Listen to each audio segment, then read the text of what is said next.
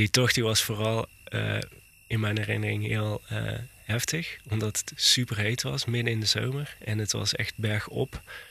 En uh, rotsig, dus je had geen vaste ondergrond eigenlijk. Dat um, waren losse kiezels. En het was vooral een soort van uitputtingstocht, denk ik. En dat is me een beetje bijgebleven. En in die zin is, is dan zo'n plek waar je dan uitkomt een beloning. En heeft dat extra waarde of zo? Voor de tweede editie van Spoor voor Spoor ben ik te gast bij Thijs en Tammo van I Am Ook. We hebben het over het ontstaan en het opnemen van de track Hidden Cove, afkomstig van hun nieuwste album Osmosis. Dit is Thijs van I Am Ook. En ik ben Tam Kersbergen. Ja, ik vind het wel prettig als de muziek zo organisch mogelijk klinkt. Ook al worden er uh, elektronische instrumenten gebruikt of samples of zo, dan ga ik toch altijd op zoek naar een manier waarop dat het meest uh, natuurlijk. Ja, niet per se natuurlijk klinkt, maar het meest. Ja, menselijk, organisch, ja, menselijk. Organisch en dus ook muzikaal. Ja. In die zin is het lied uh, niet per se lineair, maar want er zit wel herhaling in met refreintjes. Maar de eerste twee refreintjes die zijn dan weer anders dan de laatste twee qua zanglijn. Wel dezelfde tekst, maar een andere zanglijn. En op die manier heb ik geprobeerd ook een beetje dat als uh, wandeling te laten zijn, denk ik. Om de vorm en inhoud samen te binden. Die drumbeat die was geprogrammeerd en het klinkt nog steeds als een, als een beat. Maar hij is wel uh, op tape opgenomen en het is gewoon één take. Dus het is, uh, ik heb het ingespeeld van het begin tot het eind. En dat geeft ook dat organische mee. Dat je speelt wel een soort rare partij die als een beat klinkt. En qua sound is het ook als een beat. Maar hij is wel gewoon ingespeeld van het begin tot het eind. Van de demo's zijn er sommige uh, sporen nog beland in de uiteindelijke versies. Zoals bij dit lied De Bas. Die we dan wel hebben geprobeerd opnieuw op te nemen. Maar waar, waar het dan niet goed samenviel uiteindelijk. Qua sound of qua spel. Ja, dat komt wel omdat ik heb dan de drums ingespeeld op de guidebas. Dus op de basgitaar die er al staat. In plaats van dat we drums en bas tegelijkertijd opnemen, wat je normaal zou doen. En uh, ik denk dat dat gewoon het beste voelde, ook voor de drumpartij. En dan de basgitaar vervangen, dat werkte dan qua feel niet. In de studio hebben we ja, een beetje goedkope upright piano, wat niet al te best is. Moeilijk te stemmen. Uh, elke keer als de pianostemmer langskomt, dan zegt hij ook van... nou, dit is het beste wat ik ervan kan maken. en, uh, maar het werkte wel, maar we moesten er wel echt naar op zoek. Het, het werkte niet, of het werkt eigenlijk nooit om die piano met mooie microfoons op te nemen op de goede manier.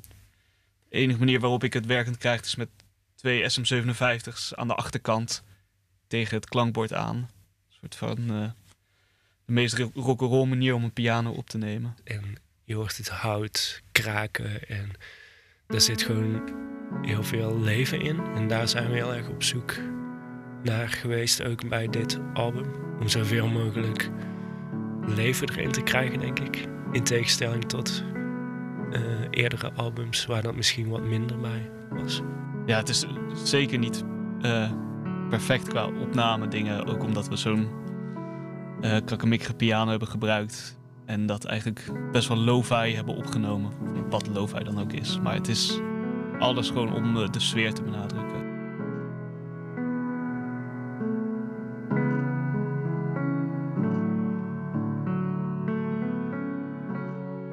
Zo'n Honor keyboardje uit de jaren 80, gok ik. En die heeft één uh, hele mooie sound. Human heet die.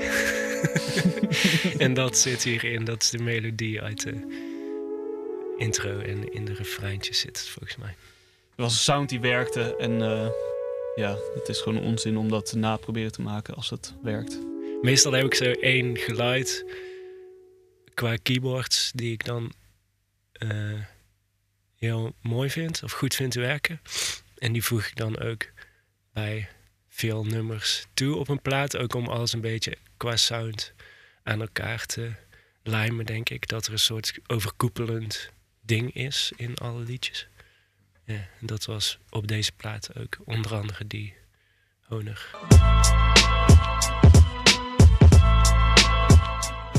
De laatste twee coupletten, of hoe je het ook wil noemen, uh, is dat het waar ik het meest ooit door rapmuziek, denk ik, ook ben geïnspireerd of zo. Wat misschien dat praatachtige is in dit geval.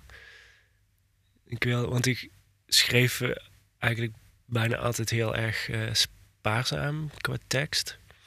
En uh, dat wilde ik ook een keer proberen hoe het nou is als, als ik heel veel tekst heb. En hoe je daar een cadans in vindt en zo.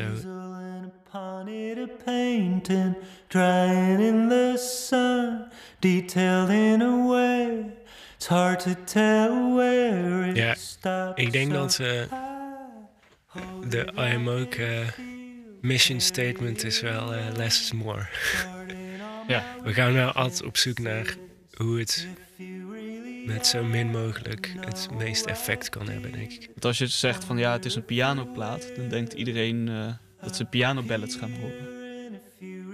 Maar elk nummer heeft als basis piano. Dus je, je, op deze plaat hoor je gewoon veel minder akoestische gitaar, veel minder elektrische gitaar. Dat zijn meer kleuringen en in de basis is het uh, bijna altijd de piano. Ik vind het een heel uh, leuk en geslaagd experiment geweest. Ja.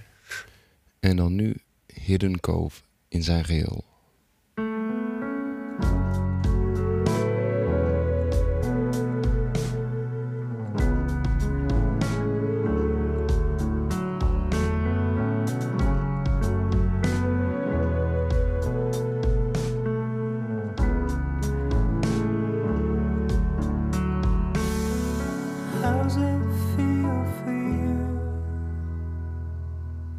No.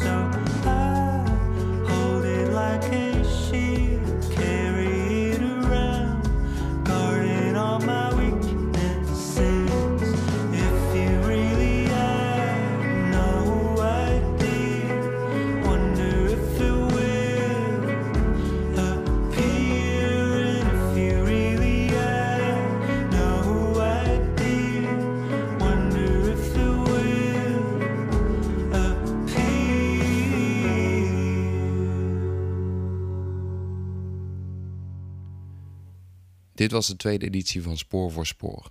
Hou de site van de Daily Indie in de gaten voor andere artikelen, interviews en nieuwe videoclips, etc.